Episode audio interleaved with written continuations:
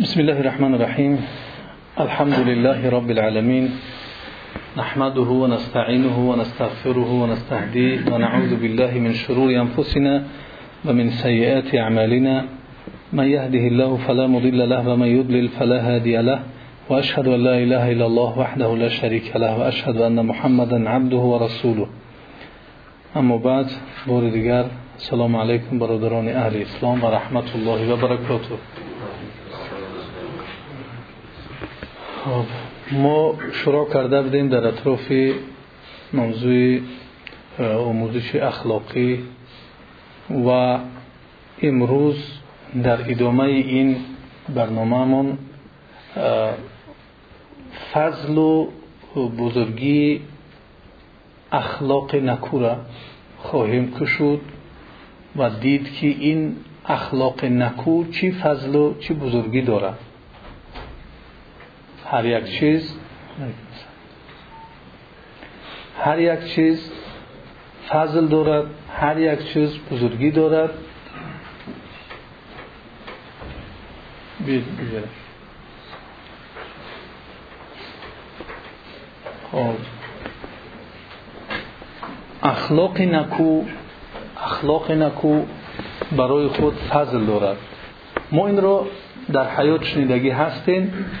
و امروز خواهیم دید در حقیقت که این چی فضل است و چی بزرگی است اخلاق نکو داشتن.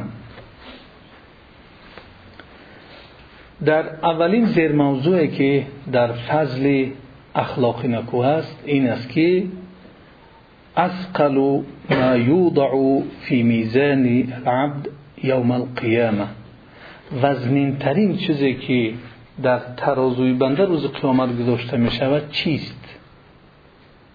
ما در حیات همین دوادوی که از صبح تا شام از شام تا سحر داریم می‌خواهیم یک چیزی رو جمع بکنیم که روز قیامت را در میزان مونن و اون وزنینی بکند و سبب بشود که اون کارهای بدی ما را بر بزند و ما را به بهشت برد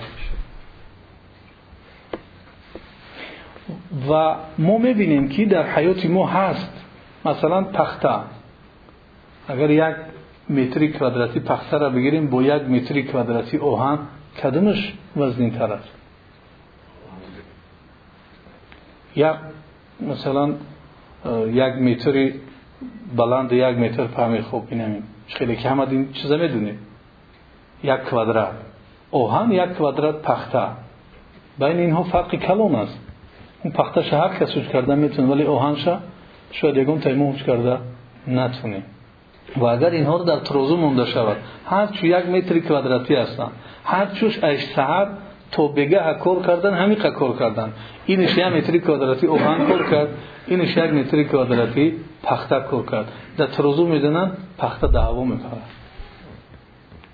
همین خیل اون چیزهایی را که ما از سحر تو بگه از بگه تو سحر می‌زنیم همین خیل چیزهایی هستن که اونها در میزان ما روز قیامت مونده می‌شوند. آیا اون پخته هست یا آهن؟ آیا اون چیزی هست که حجم دارد ولی وزن ندارد؟ یا یکی اندک است و وزنش نهایت زیاد است. وزنین ترین چیزی که در میزان بنده روز قیامت نهاده می شود این ببینید که پیامبر علیه السلام چی است میگه. يقول النبي صلى الله عليه وسلم ما من شيء أثقل في ميزان العبد يوم القيامة من حسن الخلق. در روز قیامت یگان چیزی دیگر برای بنده میزان بنده وزنین تر نیست از اخلاق نکو دیده وقتی اخلاق نکو قطع انسان در روز تا بگهش می برده است از بگه تا سهرش می گذرانده است این چیزی را که از با اخلاق نکو کسب کرد از همه چیزها دیگر وزنین تر است. در میزان روز قیامت وقتی میمونند اون میزانی که انسان معین می‌کند برای بهشت دوزخ رفتنش. امروز گاه طبیعت انسانیمون نمی‌خواهد که ما اخلاق اخلاق نکو قطع رفتار مناسبت بکنیم. گمان می‌کنیم که اگر ما اخلاق نکو قطعی رفتار بکنیم ما را مرتبه جامعوی مجکر میند پست می‌شود. ما را میگن که ای اونقدر آدمی چی نیست. تا باید ما خودمون یک طرز نشون بتونیم که ما را بشناسن. ولی در این شناختن ما حتی شاید که پخته رو هم کسب نکنیم.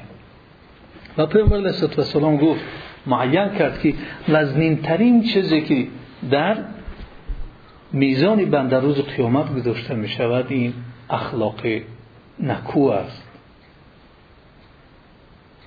اخلاق نکو از دست هر یک تیمو می آید و ما هر یک تیمو می‌تونیم این را کسب بکنیم. ولی آیا ما در فکر اون هستیم که این را کسب بکنیم؟ این از جایی سوالی که به ما هر یک تیمو تعلق دارد.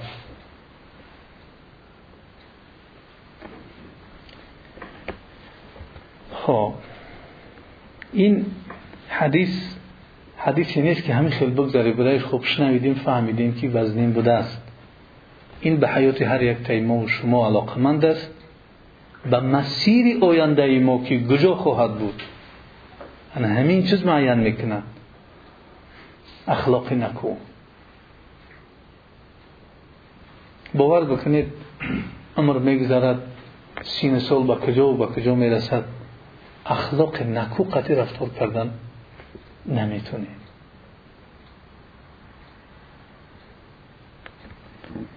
پس فهمیدیم که چی بوده است؟ برای چی پیامبر علیه السلام گفت که از همه چیز دیده وزنیتر در میزان بنده این اخلاق نکو است.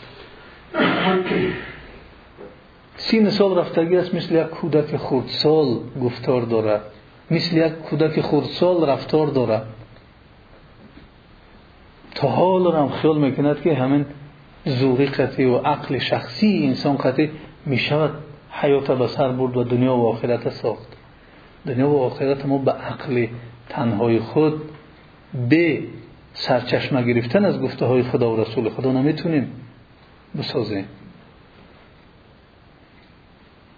اخلاق نکو از جمله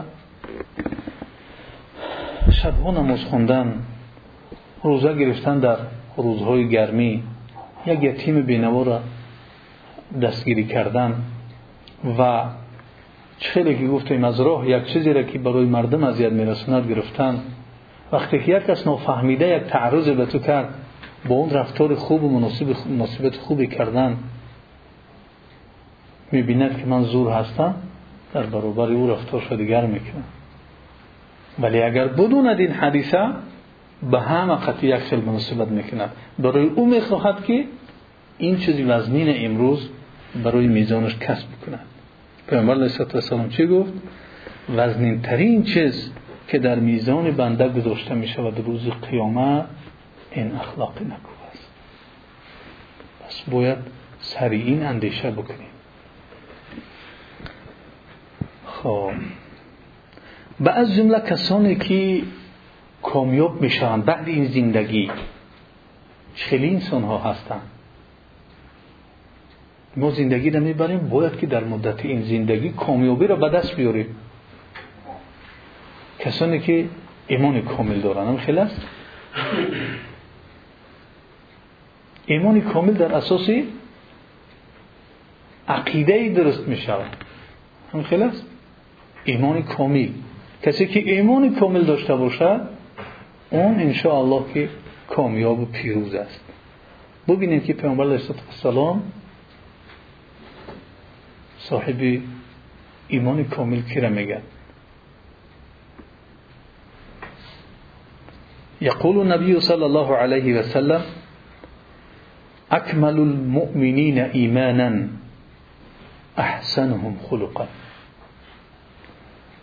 کامل ترین مؤمنان از روی ایمانشو کامل ترینشون کسی است که اخلاق نکوی او از دیگران دیده بهتر باشد. از همه دیگران دیده از همه ایماندارا دیده. وقتی که اخلاق نکوش خوبتر است ایمان او کاملتر است. باور بکنید کسانی را دیدیم که طالب علم هستند. قرآن می‌خونن حدیث می‌خونن تفسیر می‌خونن ولی با برادر خود قهر هستند رفتار کردن که اون رفتار اسلام اجازت نمیتید گمان می‌کنن که اونها علم آموختن. گمان می‌کنن که با اون آموزش و ایمان کامل به دست آوردن. ولی اون ایمان کامل ما معین نمی‌تونیم کرده. که بسیارتر قرآن بخونیم بسیارتر حدیث بخونیم ایمان ما از دیگر کامل است؟ نه. شاید نو برادری که همون خورد سالتر است. شاید از هممون کمتر مثال بگیریم. اگه ما هممون اگر علما و دانشمندا باشیم از هممون خردسالتر کم کتاب خوندگی تر است. ولی اگر اخلاق او از ما دیده خوبتر باشد کاملترین ایمان داشتگی در مبین ما هم بچه میشه؟ با وجود این که ما و شما شاید که دکتر و پروفسور چون چی چون چی کتابا رو خونده باشه او الف ب شاید خونده استاده باشد. ولی وقتی که پیامبر علیه السلام میگه اکمل المؤمنین ایمانا احسنهم خلقا. نیکو اخلاق ترین شما کامل ترین شما است از روی ایمان. ایمانش کامل تر است. برادر سوال میتیه که ابو حنیفه خدا را با الوهیت و ربوبیت اسم و صفه میشناخت. این از روی آداب است مگر؟ آداب ما باید به هم دیگر ما هر یک تم عادی ترین انسان قد باید رعایت بکنیم آداب. زیرا که حدیث قدسی پیامبر علیه السلام هست که پیامبر علیه السلام روایت می‌کنند حدیث قدسی را که من عاد لی ولیا فقد اذنته بالحرب کسی یک الله سبحانه و تعالی میگه که کسی یک دوستی من اذیت بتید من اعلان جنگ می‌کنم بر ضد او دوستی او شاید یک موی سفید لاغری بیجون باشد یک کسی که در جیبش یک تیم ندارد شاید که نمود ندارد مسکول ندارد رنگ و روز بوگی ندارد ولی اون دوستی خدا هست به سبب کارش به سبب رفتارش به سبب شاید اخلاق خوبش. این میاد نانظرگیریش می‌کند احترامش نمی‌کند. شاید او را چکار می‌کنه؟ اذیت می‌کرد. مالش احترامش نکرد. لیکن اذیتش میرسوند؟ وقتی اذیتش میرسوند؟ اون دوستی خدا. ما از این باید بترسیم که یکی اون دوستی خدا را ما اذیت نرسونیم. من ادلی ولیا فقط اذنته بالحرب. کسی دوستی مرا اذیت داد من اعلان جنگ بر ضد او می‌کنم. کی می‌تونه در برابر خدا جنگ کنه؟ کی اون قدر زوره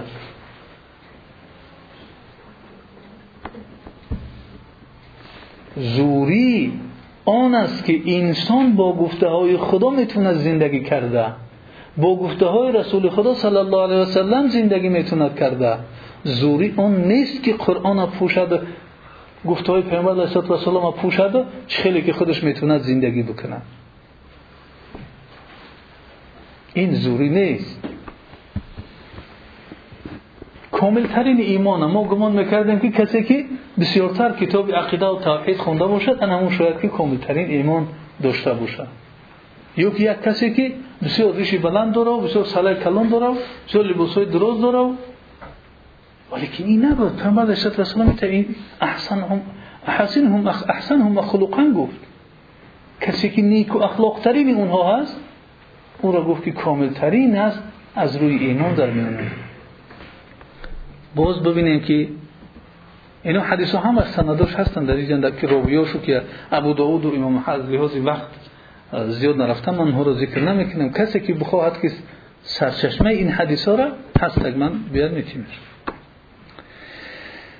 پیامبر علیه السلام میگه که احسن الناس اسلاما احسنهم خلقا انسان ها همه اسلام داریم اسلام کی از همه خوب است یکی از وسیله هایی که ما می‌تونیم رضای خدا را به دست بیاریم و جنت انشاءالله که نصیب بشود این است که ما اسلام خوب داشته باشیم اسلام داری ما خوب باشد اسلام داری کی از همه خوبتر است؟ از کسی که از همه دیده اخلاقش خوبتر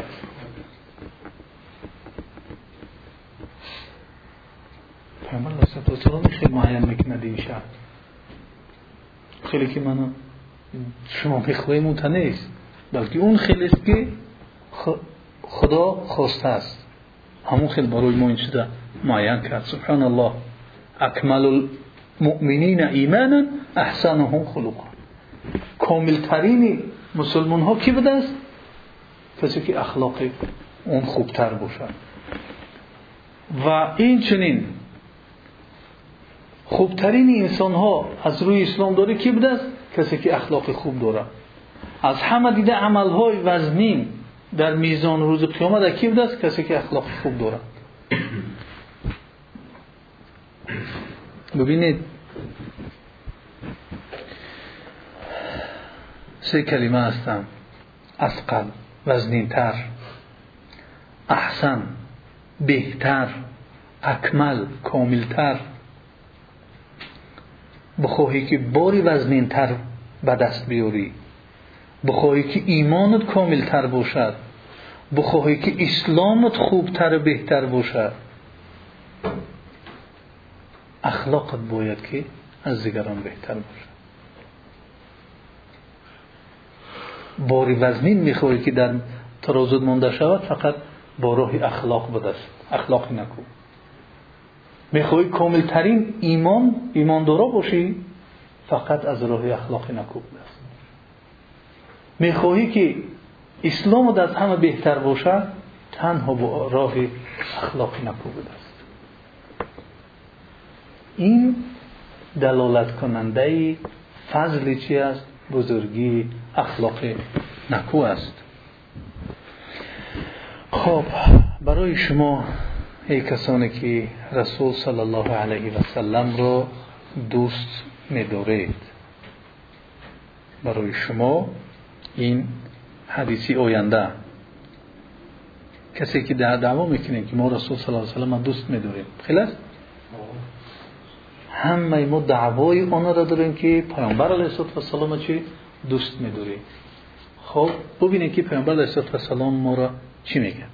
يقول النبي صلى الله عليه وسلم إن أقربكم مني مجلسا يوم القيامة أحاسنكم أخلاقا قریبترین شما از روی نشست در پهلوی من نیکو اخلاق ترین شما. می‌خواهید که در پهلوی پیامبر علیه السلام باشید یک راه داشته است. اخلاق نکو داشتن در کار پیامبر علیه السلام اون نفری را که شاید عبادت دارد شاید علم دارد ولی اخلاق ندارد در پهلوش نمیخواهش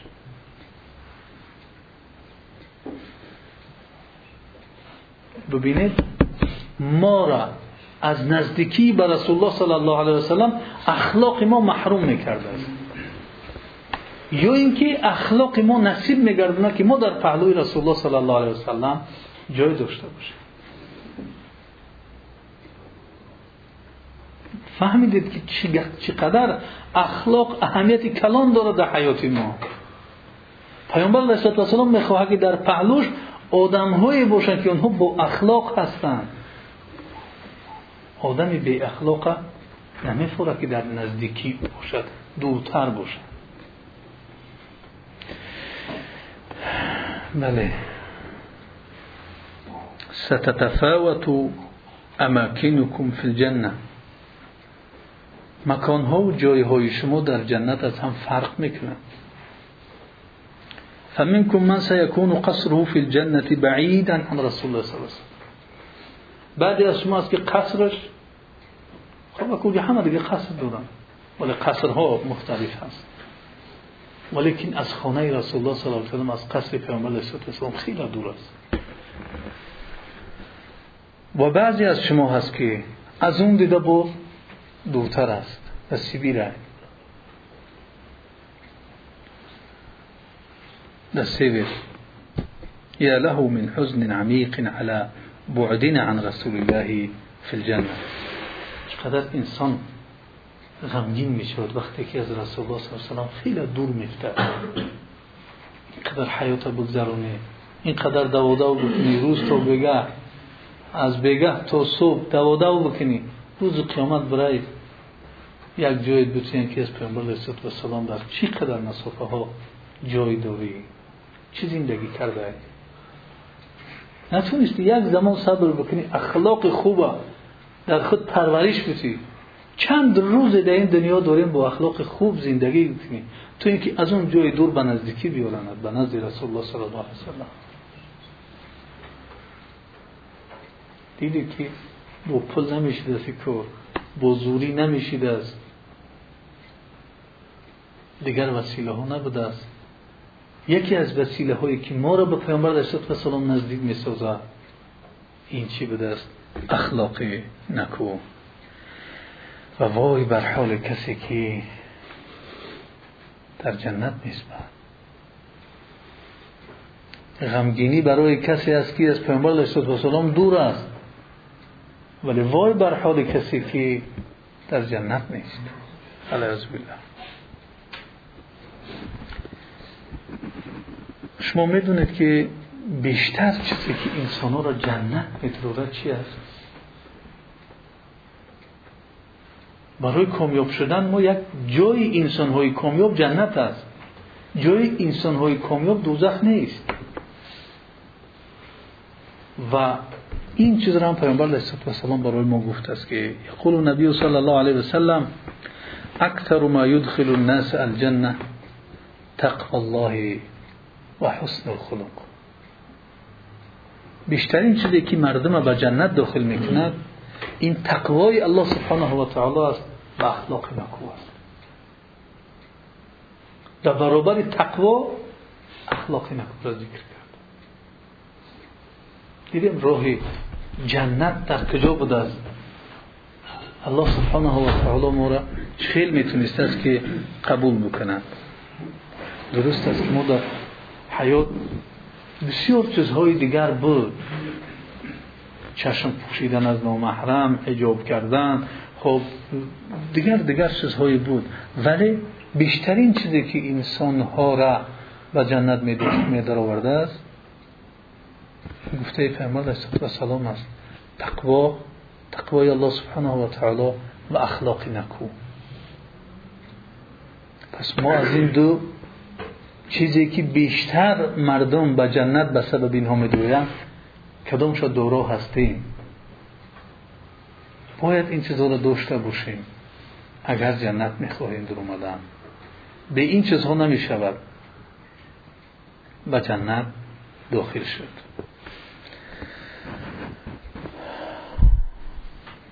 الله سبحانه و تعالی هم از بنده هاش بنده را دوست می الله سبحانه و تعالی از بندگانش بعضی بندهاش زیادتر بیشتر دوست میدارد کی هستن اون بندگانش؟ این را هم خواهیم دید. بسیار یک حدیثی زیبایی است که جاء وفد الى النبي صلى الله عليه وسلم فقالوا يا رسول الله من احب عباد الله الى الله؟ قال احسنهم خلقا. یک گروه یک گروه از مردم نزد رسول صلی الله علیه و سلم اومدن از جای بدن گفتن که ای رسول خدا دوست داشته ترین بنده های خدا با خدا کیانند؟ گفت آنهایی که اخلاقشون اخلاق نکوشون از همه دیدت بیشتر است یا اخلاقشون نکوتر است. اینها هستند کسانی که از جمله بنده هاش الله سبحانه و تعالی بیشتر آنها را دوست می‌دارد. خب. انسان بعد محبت الله سبحانه و تعالی دیگر چی می‌خواهد؟ وقتی که خدا دوستت بداره ولله المثل الاعلى. انسان در این حیات آرزو می‌کنه دو می‌کنه کوشش می‌کنه که یک زور و یک وظیفه دار دوستش بداره حتی برای یک زن هم گاه چکار می‌کنه؟ انسان دو می‌کنه که دوستش بداره. اگر او را دوست داشت دیگر او در کشتش نمیغنجد من فلان کس دوست میدارد من فلان زور فلان وظیفه دار فلان زن من دوست میدارد ولله المثل الاعلى الله دوست میدارد. بس کدام سبب؟ به سبب اخلاق. در دست ما اون چیزی که ما می‌تونیم بدستیم خودمون از جمله کسانی بسازیم که الله سبحانه و تعالی دوستش میدارد. مشکل هم نیست. اخلاق نکن رفتاری نکن الله دوستت میداره بعد اینکه الله سبحانه و تعالی دوست داشت میگه چی میخوایی چی دیگه نمی‌رسد؟ همه را به دست آوردیم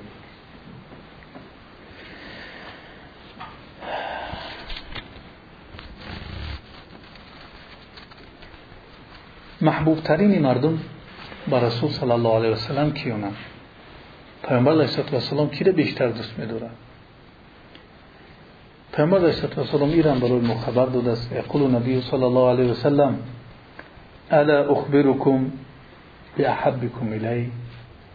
صحابه کرام گفت که ما آیا من شما را به دوست داشته ترین کس رو من خبر بتیم گفتن که قالوا بلا یا رسول الله. علی رسول خدا خبر مبتیم قال الا اخبركم بحب حبكم الی؟ قالوا بلا یا رسول الله. بازگشت گفت که من شما را خبر بتیم به کسی که به من محبوب تر است از شما گفتن که بله رسول خدا. قال احسنكم خلقا نیکو اخلاق ترین شما کسی است که من از مبین همه شما دیده بیشتر و دوست می‌دونم.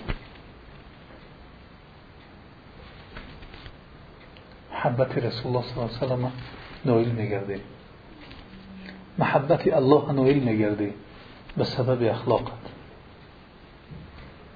این یک گنجی است که بسیار رحمه را فراموش کردی. ولی ببینید چقدر قیمت داشته است در ترازوی الله سبحانه و تعالی. محبوب خدا میشه. محبوب رسول الله صلی الله علیه و سلم میشه. وقتی که خدا و رسول خدا دوست داشت این بنده ها دوست نمیدارن.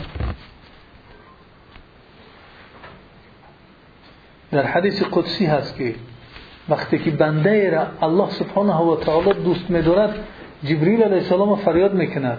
ای جبریل میگه من فلانی پسر فلانی بنده من دوست داشتم. تو همو را دوست بدار. و جبریل علیه السلام میگه که من فلانی پسر فلانی را دوست داشتم و در ملای اعلا در تمامی جمع ملائکه ها اعلان می‌کند که الله سبحانه و تعالی فلان پسر فلان یا که فلان دختر فلانی را دوست داشته است. شما هم را دوست بدارید تمام ملائکه ها نام شما را میشنوند. اعلان می‌شود نام شما در نزد ملائکه ها. بعد که الله سبحانه و تعالی به جبریل علیه السلام گفته است این است که تمام ملائکه ها میآیند در دل مردم میدازن محبت را که دوستت میدارن. یکی از راهاش این است که ما اخلاقی نکن داشته باشیم. چون که الله سبحانه و تعالی نام ما و نام پدر ما را بگیرد. و بگد که من این بنده ما دوست داشتم. و جبریل علیه السلام بگد که این بنده من دوست.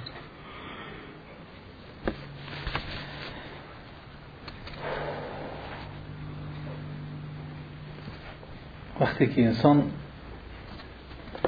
ببینید پیامبر علیه السلام گفت که احسنکم خلقا. احسن به معنای نیکو اخلاقتر. معنای نیکو اخلاقتر در زبان عربی احسن به معنای اسم تفضیل میگن. یعنی برتر.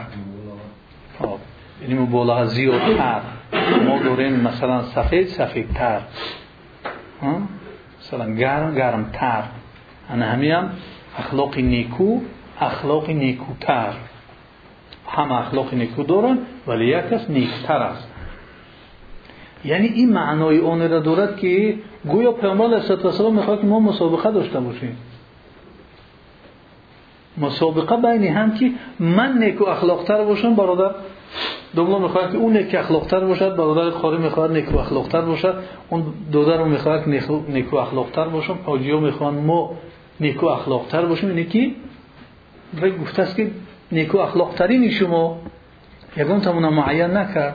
کسی ما اگر بتونیم که نیکو اخلاق تر باشیم همون همون دارای سزاواری چی میشه؟ لقب احسنکم خلقا میشیم یکمش لقب ما میشه وقتی اگر ما تونستیم نیکو اخلاق تر باشیم لقب ما موافق حدیث می‌شد احسنکم خلقا میشه. کی نمی‌خواهد که احسنکم خلقا بشه؟ وقتی که احسنکم خلقا شدی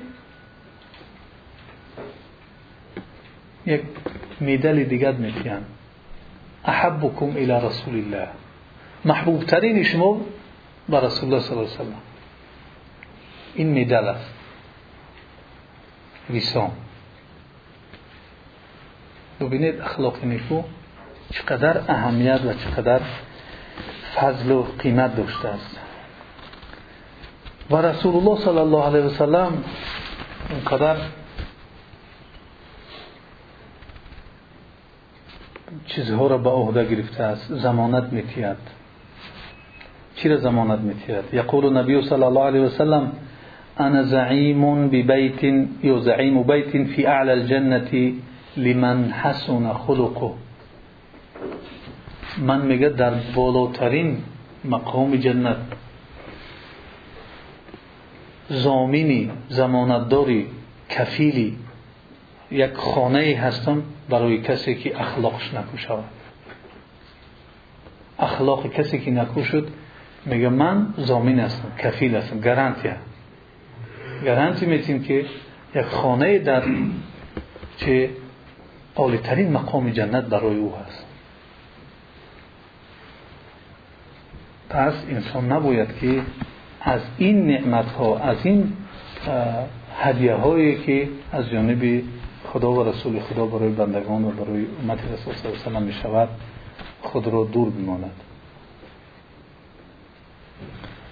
خب پس آیا این شرطی را که پیامبر علیه السلام گذاشت ما چیکار می‌کنیم با این شرط؟ خانه می‌خواهیم ما در این دنیا ببینید که چقدر میدویم برای خانه را گرفتن. تمامی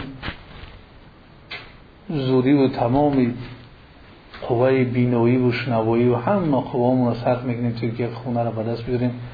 که خونه هم بود روز بعد چون که میمونه میریم.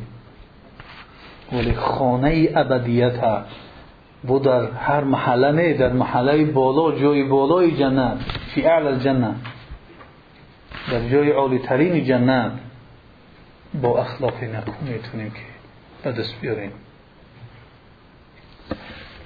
پس این شرط قبول می‌کنیم؟ شرط شمین است. شرط دارد شرطش اخلاقی نکو است. اگر ما را درک کرده باشیم باید تغییر بتیم خودمون تغییر نکنیم ما محروم مانیم خب باید تغییر باید در ما. هر یک کس خودش را اندیشه بکند. هر یک کس خودش رو فکر بکند. از محبت الله سبحانه و تعالی محروم نکند خودش. از محبت رسول الله صلی الله علیه و محروم نکند خودش. از اون خانه که زمانت داد پیامبر علیه السلام در بالاترین جایگاه جنت محروم نکند خودش برای این چیزها را به دست آوردن شرطش اخلاق نکو است. شرطش اخلاقی نکو است. باید ما این شرط قبول بکنیم و حیات خود را باید تغییر بدیم از یک بار به دیگه صورت به وجود خود نگاه کنیم به درون خود نگاه بکنیم که من چی انسان هستم؟ من آیا سزاوار محبت الله سبحانه و تعالی هستم یا نه با این رفتار و کردار ما جز خودمون الله درون ما را هیچ کس نمی‌دونند برای همین هر یک کس گشته خودش را ببیند که آیا من سزاواری محبت رسول الله صلی الله علیه وسلم هستم؟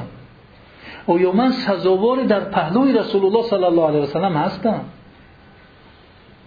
آیا من سزاواری اون خانه که پیامبر علیه السلام زمانت و کفالت به عهده گرفته است هستم یا نه؟ این رفتارهایی را که از صبح تا شام از شام تا سحر دارم این را باید من در نظر بگیرم و در اون میزان اخلاقی بگذارمش که اینها در اخلاق تغری می‌گیرن یا نه؟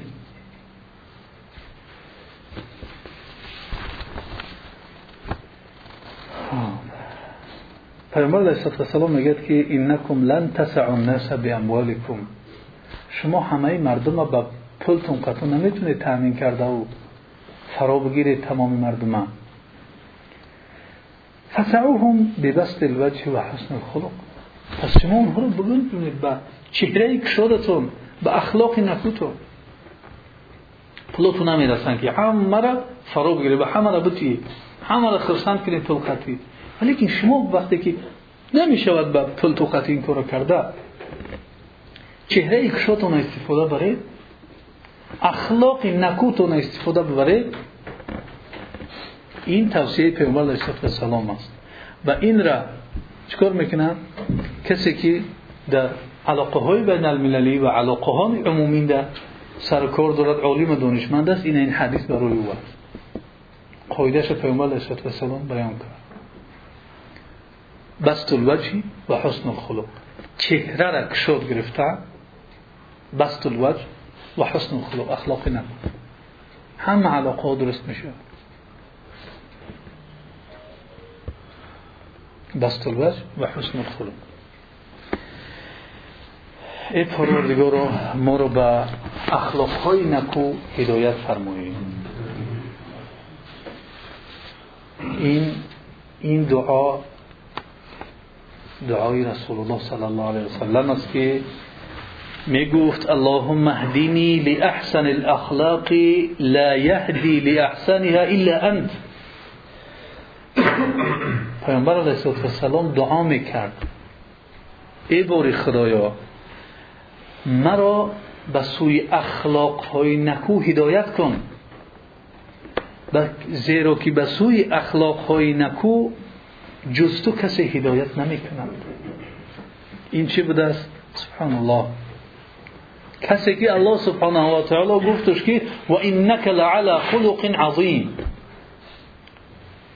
تو بسیار در یک اخلاق بزرگ هستی. اخلاق تو نهایت بزرگ است همین انسان که خداوند گفتش که تو اخلاق بسیار بزرگ داری دعا می‌کرد اللهم اهدینی لأحسن الأخلاق فإن اللهم اهدني لأحسن الأخلاق لا يهدي لأحسنها إلا أنت.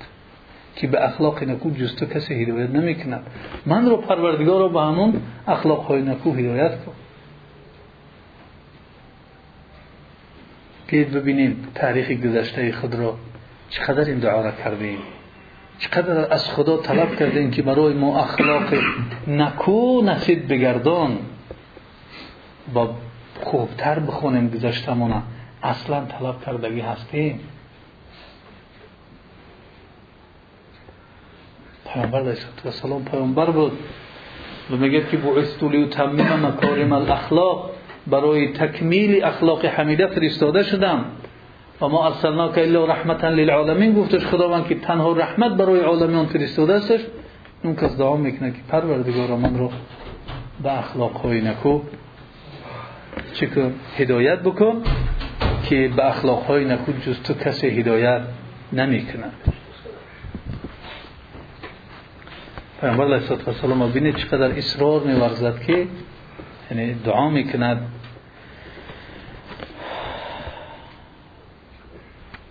و در یک جای دیگر میگد پیامبر علیه السلام که ان المؤمن لا يدرك بحسن خلقه درجه الصائم القائم.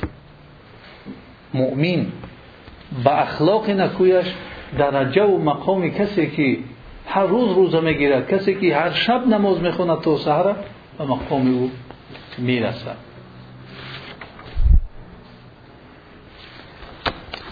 خب این دو پیامبر علیه السلام دعاش که ای بوری خدایا هدایت بکنی مرا با اخلاق نکو.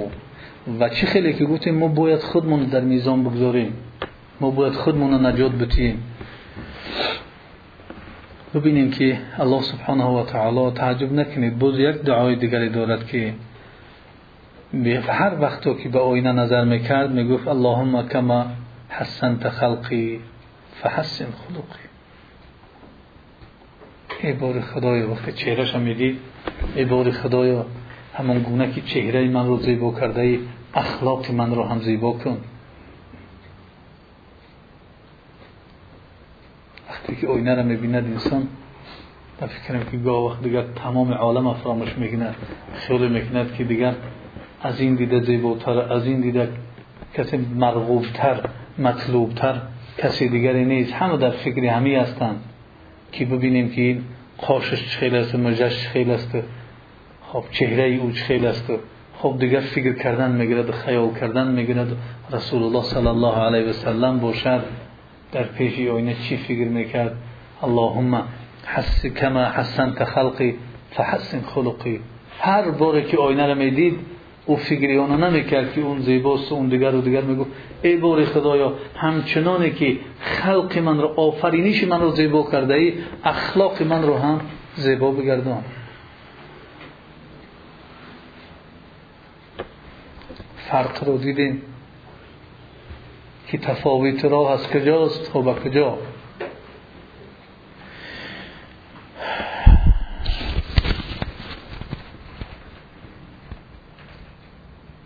هر یک کس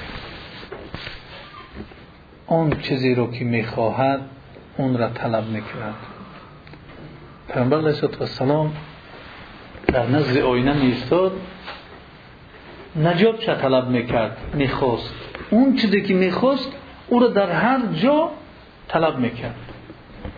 و ما هم در هر جایی باشیم خواسته خود را طلب داریم. ولی ببینیم که خواسته ها چقدر از هم فرق دارند خواسته پیامبر علیه السلام سعادت ابدی است. خواسته ما یک سعادت چند روزه که به اون سعادت می‌رسیم یا نمی‌رسیم. دو روز بعد با می‌بینی که همه جین شد همه پیر شد رفت تمام شد. هر یک کس در فکری چی است؟ فکری آن چیزی که می‌خواهد. بیایید ببینید در تاریختون بگر هر یک از خودش ببیند که من چی می‌خواسته بدستم و پیامبر علیه السلام چی می‌خواسته بدست حتی در پیش آینه اومدن اون علاقش با خدا هست اون اخلاق نکو را طلب دارد. می‌خواد که مغرور و فریفته خود خودش نشود. ما باشیم اصلا در خاطر نمی‌زند گوها که ما مغرور هستیم فریب خورده هستیم. حیاتمون همین خیل در هوا رفته ایستاده است. درک نمی‌کنیم.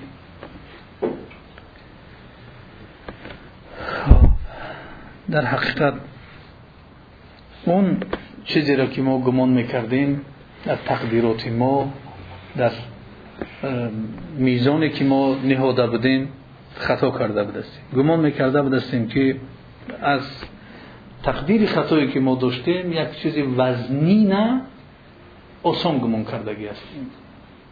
و یک چیز آسان برای خود وزنین قبول کردگی هستیم که این مشکل است.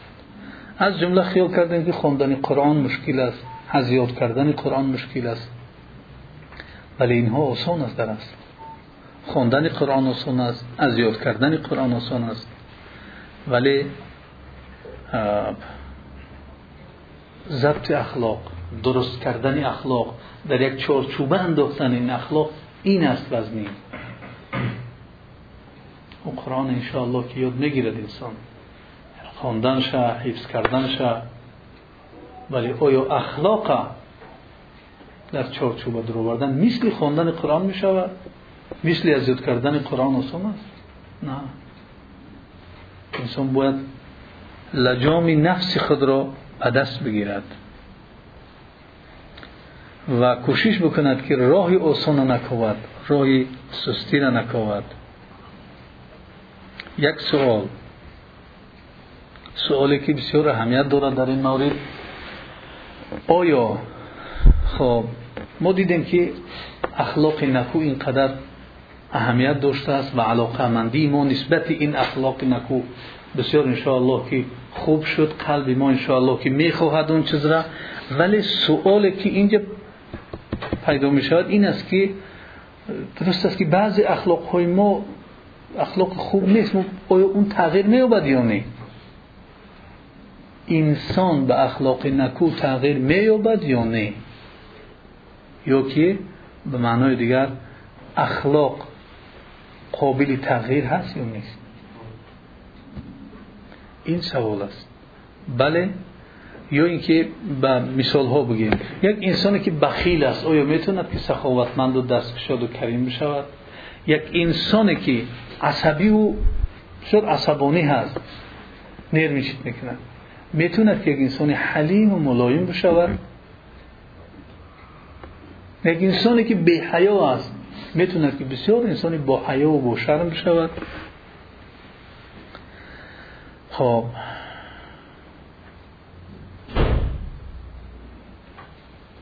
شاید انسان بگد که بله می شود ولی این به زبان هست. به زبان آسان است. ولی ما باید که اون را برای اجابه جواب کامل بر این مسئله میگردیم به حدیث رسول صلی الله علیه وسلم به ها وقت جواب نشد بلکه گفت یقول نبی صلی الله علیه وسلم انما العلم بالتعلم. و انما الحلم بالتحلم و انما الصبر بالتصبر. علم با مختن می شود گرفت و حلیمی و ملایمتی را با حلیمی کردن مشق کردن استوار و پابرجای ایستادن در همون رفتار. میبروی گاه و خود را می‌کشی میبروی گاه می‌کشی و خود. صبرم با صبر کردن مجبور می‌کنی خطا که صبر کنی که انسان صابر و انسان حلیم و انسان عالم دانشمند بشه. پیامبر نسبت رسولم گفت که برای این چیزها را کسب کردن باید خطا مجبور بکنی به همون رفتار به همون اخلاق خیلی که مجبور می‌کنی خطا که قرآن خوندن یاد بگیری یادش می‌گیری. تعلیم نداشتی علم. میوموزی علم یاد می‌گیری. این چنین هم اگر حلیمی را خواستی که در خود ایجاد بکنی همون رفتار مجبور کردی خطا که حلیم باشی. انشاءالله انسان انسان حلیم میشه. بخیلی را خواستی که از بین بری و سخاوتمندی و کرم در خود ایجاد بکنی اون را هم می‌تونی کرده و امثال اینها. یعنی پیامبر علیه السلام چیکار کرد؟ بیان کرد که این چیز می شود و می‌بینیم ما انسان هایی را که خب 90 گرادوس تغییر می‌بینیم سنت 180 گرادوس تغییر می‌بینیم به طرفی خوبی. خب. و این چنین می‌تونیم یک مثال بزنیم که همین نفس هم مثل جسد است. جسد هم ناقص تیفل کلون خلق می شود آیسته وقتی که غیزاش دادن گرفتی چکار می‌کند؟ کلون می شود و نفس چی هم اخلاق هم نفس هم همین خیلی است که بسیار ناقص به دنیا میآید. بعد با کوشش کردن او را می شود که به اخلاق با مجاهده و با کوشش اون را به اخلاق نکو رسانید. درست است که چخیلی که دواها تلخ هستند بعضی حالت ها تلخ هستند مجبور می‌کنی خطا که سخاوتمند باشی مجبور می‌کنی خطا که حلیم باشی مجبور می‌کنی خطا که مثلا با شرم با حیا باشی طبیعت نفس نمی‌خواد مجبورش می‌کنی. تلخ است. ولی انشاءالله که کردی کردی همون اخلاق دارم میشه. بگذار که شعار تو این باشد که وقتی می‌بینی یک انسان مثلا یا انسان فربه قصد مینه که من باید خراب شم. برای خودش رژیم می‌کنه. میگه من میشم. و در حقیقت اون تغییر میوبه پس چرا ما تغییر نمیوبیم باید ما شعار ما هم خیلی باشد که من قابل تغییر یافتن هستم. یعنی تغییر قبول می‌کنم. تغییر پذیر هستم. وقتی انسان همین اعلام کرد این شعار در خودش ان الله که دیگر اون نفس یک ترسی در او میآید. من تغییر پذیر هستم. من این اخلاق هایی که ناپسند هستن از خود دور می‌کنم. اخلاق های پسند در خود جای می‌کنم. تغییر پذیر هست. هر انسان می‌تونه که بهترین و نیکو اخلاق ترین باشه. زیرا این حدیث ها می‌خواد و همین مسابقه دعوت کرده استودن که نیکو اخلاق تر باشیم. ولیکن عیب هامون چخیل می‌دونیم. برای نیکو اخلاق شدن باید که ما عیب ها رو بدونیم اونها رو از بین بریم و در جای اونها اخلاق نکو رو بشنونیم چهار راه داره. یکی از راههاش دوستی خوب داشتن که اون نصیحتگر باشه. دوستی جانی دوستی خوب. از این طریق انسان می‌توند عیبهاش رو بفهمه. اون دوستی خوب در تنهایی میره میگه برادر عزیز همینجا همین رفتار درست است. یا که میگه که برادر عزیز کدام رفتارهای من نادرست هستم برای من بگو. خب به هر صورت دوستی یعنی خوب انسان می‌توند که برای او عیب باشه. بگه خیلی که حضرت عمر رضی الله عنه میگه که رحم الله امران اهدا الینا عیوب انفسنا یا نفسنا. میگه که خداوند رحم بکنه دعا می‌کنه در حق کسی که عیب های ما را به ما میبخشد عیب های نفسی ما را به ما عیب ها کسی که بگه خداوند رحم شد بگه که ما او را اصلاح بکنیم. یکم دوست دوم دشمن. دشمن هیچ وقت آدم تعریف نمی‌کنه. compliment هم نمی‌کنه. عیب میگه. از زبان دشمن که شنیدی باید که در پی اصلاح اون اخلاق باشی. نه اینکه برای بو حجت بیاری که نی من خیلی نیستم یا که ان همین خیلی هستم گفتن نه در پی اصلاح اون. ما باید که اول عیب های خود را بدونیم که. سیم روحش.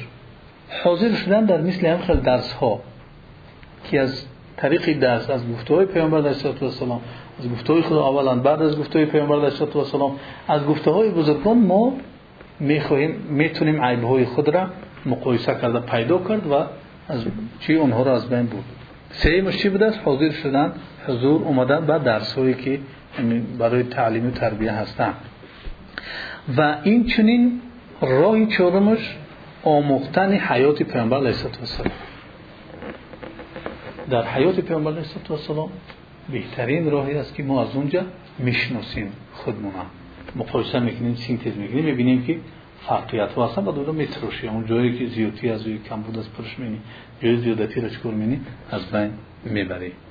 سیروکی الله سبحانه و تعالی گفت لقد کان لکم فی رسول الله اسوه حسنه همان برای شما در رسول الله صلی الله علیه وسلم چی است نمونه هست. پیامبر علیه السلام برای هر یک کسی که در روی زمین هست برای اون نمونه است. و تنها این برای پیامبر علیه السلام است. او فرق ندارد که در کدوم ساحه کار می‌کند کدوم ملت است. فرق ندارد برای او. ساعت چند شد از اون؟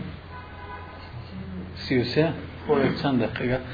یعنی که ببینید که پیامبر علیه السلام با وجود آن که با وجود آن که از بعثتش تا وفاتش 23 سال است. در مدت 23 سال نمونه شد که برای هر یک کسی که تو روز قیامت میاد اون نمونه است. بگذار که وای طبیب باشد بگذار وای انجینیر باشد بگذار که وای رئیس دولت باشد بگذار که وای انسان عادی باشد بگذار که وای پدر باشد بگذار که وای فرزند باشد بگذار که کی نباشد همسایه از خیشتبار است هر یک کس نمونه خدا در پیامبر علیه السلام پیدا می‌کنه این نمونهش پیامبر علیه السلام است. برای چی تنهایی است؟ برای اونی که مثلا عیسی علیه السلام عیسی علیه السلام نمونه هست. ولی نمونه تنها برای جوانان برای کسی که از دنیا پرهیز می‌کنه و امثال اینها. ولی همچون پدر و همچون شوهر نمونه شده نمی‌تونه. برای که همسر نداشت. زن رو گرفته رفته گست از دنیا. سلیمان علیه السلام. می‌توند نمونه شده برای پادشاهان برای قاضی ها و سودها و برای اینها نمونه برای انسان پولدار و دولتمند. ولی برای انسان فقیر برای یک انسانی که آدم عادی است او نمی‌تونه برای که او نبود در این حالت ها او فقط هم مقام بلند در هم پیامبر و هم شاه بود. پیامبر علیه السلام کسی بود که هم آدم عادی بود هم رهبری دولت بود هم کم بغلی را دید هم پلداری را دید هم بیزنی را دید وقتی جوانی بیزنی و هم حالت زنداری را دید. هم پدر بود هم شوهر بود. همه این حالت را پیامبر علیه السلام در حیاتش گذارنده است که این نمونه برای ما در همه گوشه حیات ما و برای همه کس و تا روز قیامت هم. هیچ کس نمی‌تونه بگه که خرکتر ملتی من فرق می‌کند من نمی‌تونم از پیامبر علیه السلام نمونه بگیرم. هیچ کس در روی زمین وجود ندارد. و هر یک کس می‌خواهد که حیات میانه را نرمال می چیزا بخواهد که بیاورد بعضی انسان هست که زیاد هستن. کم هستن. پیامبر علیه السلام چی هست؟ همه اینها را درست می‌کند. میفرتود حیات پیامبر علیه السلام حیات پوشیده نبود. یگان گوشه حیات او پوشیده نیست. حتی حیاتش با همسراش بسیار چیزاش یک کتابی کشوده است. حیات پیامبر علیه السلام جایهای تاریک ناعیان ندارد. همش کشوده است. حتی از عبودی و حتی از مثلا مسواک حتی از آخرون لحظه هایی که از دنیا میگذرد ببینید که پیامبر علیه السلام مسواک همسرش عایشه رضی الله عنها مادر اون استفاده می‌کرد. و مادر عایشه رضی الله عنها فخر کرده میگد که این چیز به ما رسید. آخرون چیزی که با جوف پیامبر رسید بعد درون پیامبر علیه السلام به دهانش رفت این آب دهان من میگه و در بغل مادر مو عایشه رضی الله عنها جان دادگی هست. یعنی همه حیات پیامبر علیه السلام کشاده هست که ما از اون می‌تونیم چه بگیریم؟ عبرت بگیریم. پس در همینجا ما توقف می‌کنیم. زیرا که اویندهش میاد در مورد دوست داشتن پیامبر علیه السلام است. این را باید وقتی کافی باشد که ما در این مورد صحبت بکنیم که چگونه پیامبر علیه السلام را دوست داشتن سزاوار محبت او شدن چگونه صفت داشتن در طور که معلوم بشود که چی ما پیامبر علیه السلام را دوست میداریم برای همین توقف می‌کنیم در اینجا که وقتی ما کافی نیست نمازم می‌شود. و این چیزهایی بود که بیان کننده فضل و بزرگی اخلاق نکو بوده است. اینها رو در نظر بگیریم. محبت الله سبحانه و تعالی رو به دست میاری محبت پیامبر علیه السلام رو به دست میاری کسی, کسی هستی که اون باری که جمع کردی در دنیا از همه دیده وزنین تر است در روز قیامت در میزانت. و کسی هستی که کاملترین انسان ها ایماندارا هستی و کسی هست که بهترین اسلام دارا هستی و کسی هستی که پیامبر علیه السلام زامین خانه ای تو است در بلندترین جای جنت و امثال اینها. اینها را در نظر بگیریم و بفهمیم که و بدانیم که اخلاق نکو چقدر فضیلت داشته است. و اون را نادیده نگیریم کم نشمریم و خود را بسازیم. و آخر دعوانا الحمدلله رب العالمین. و جزاکم الله خیر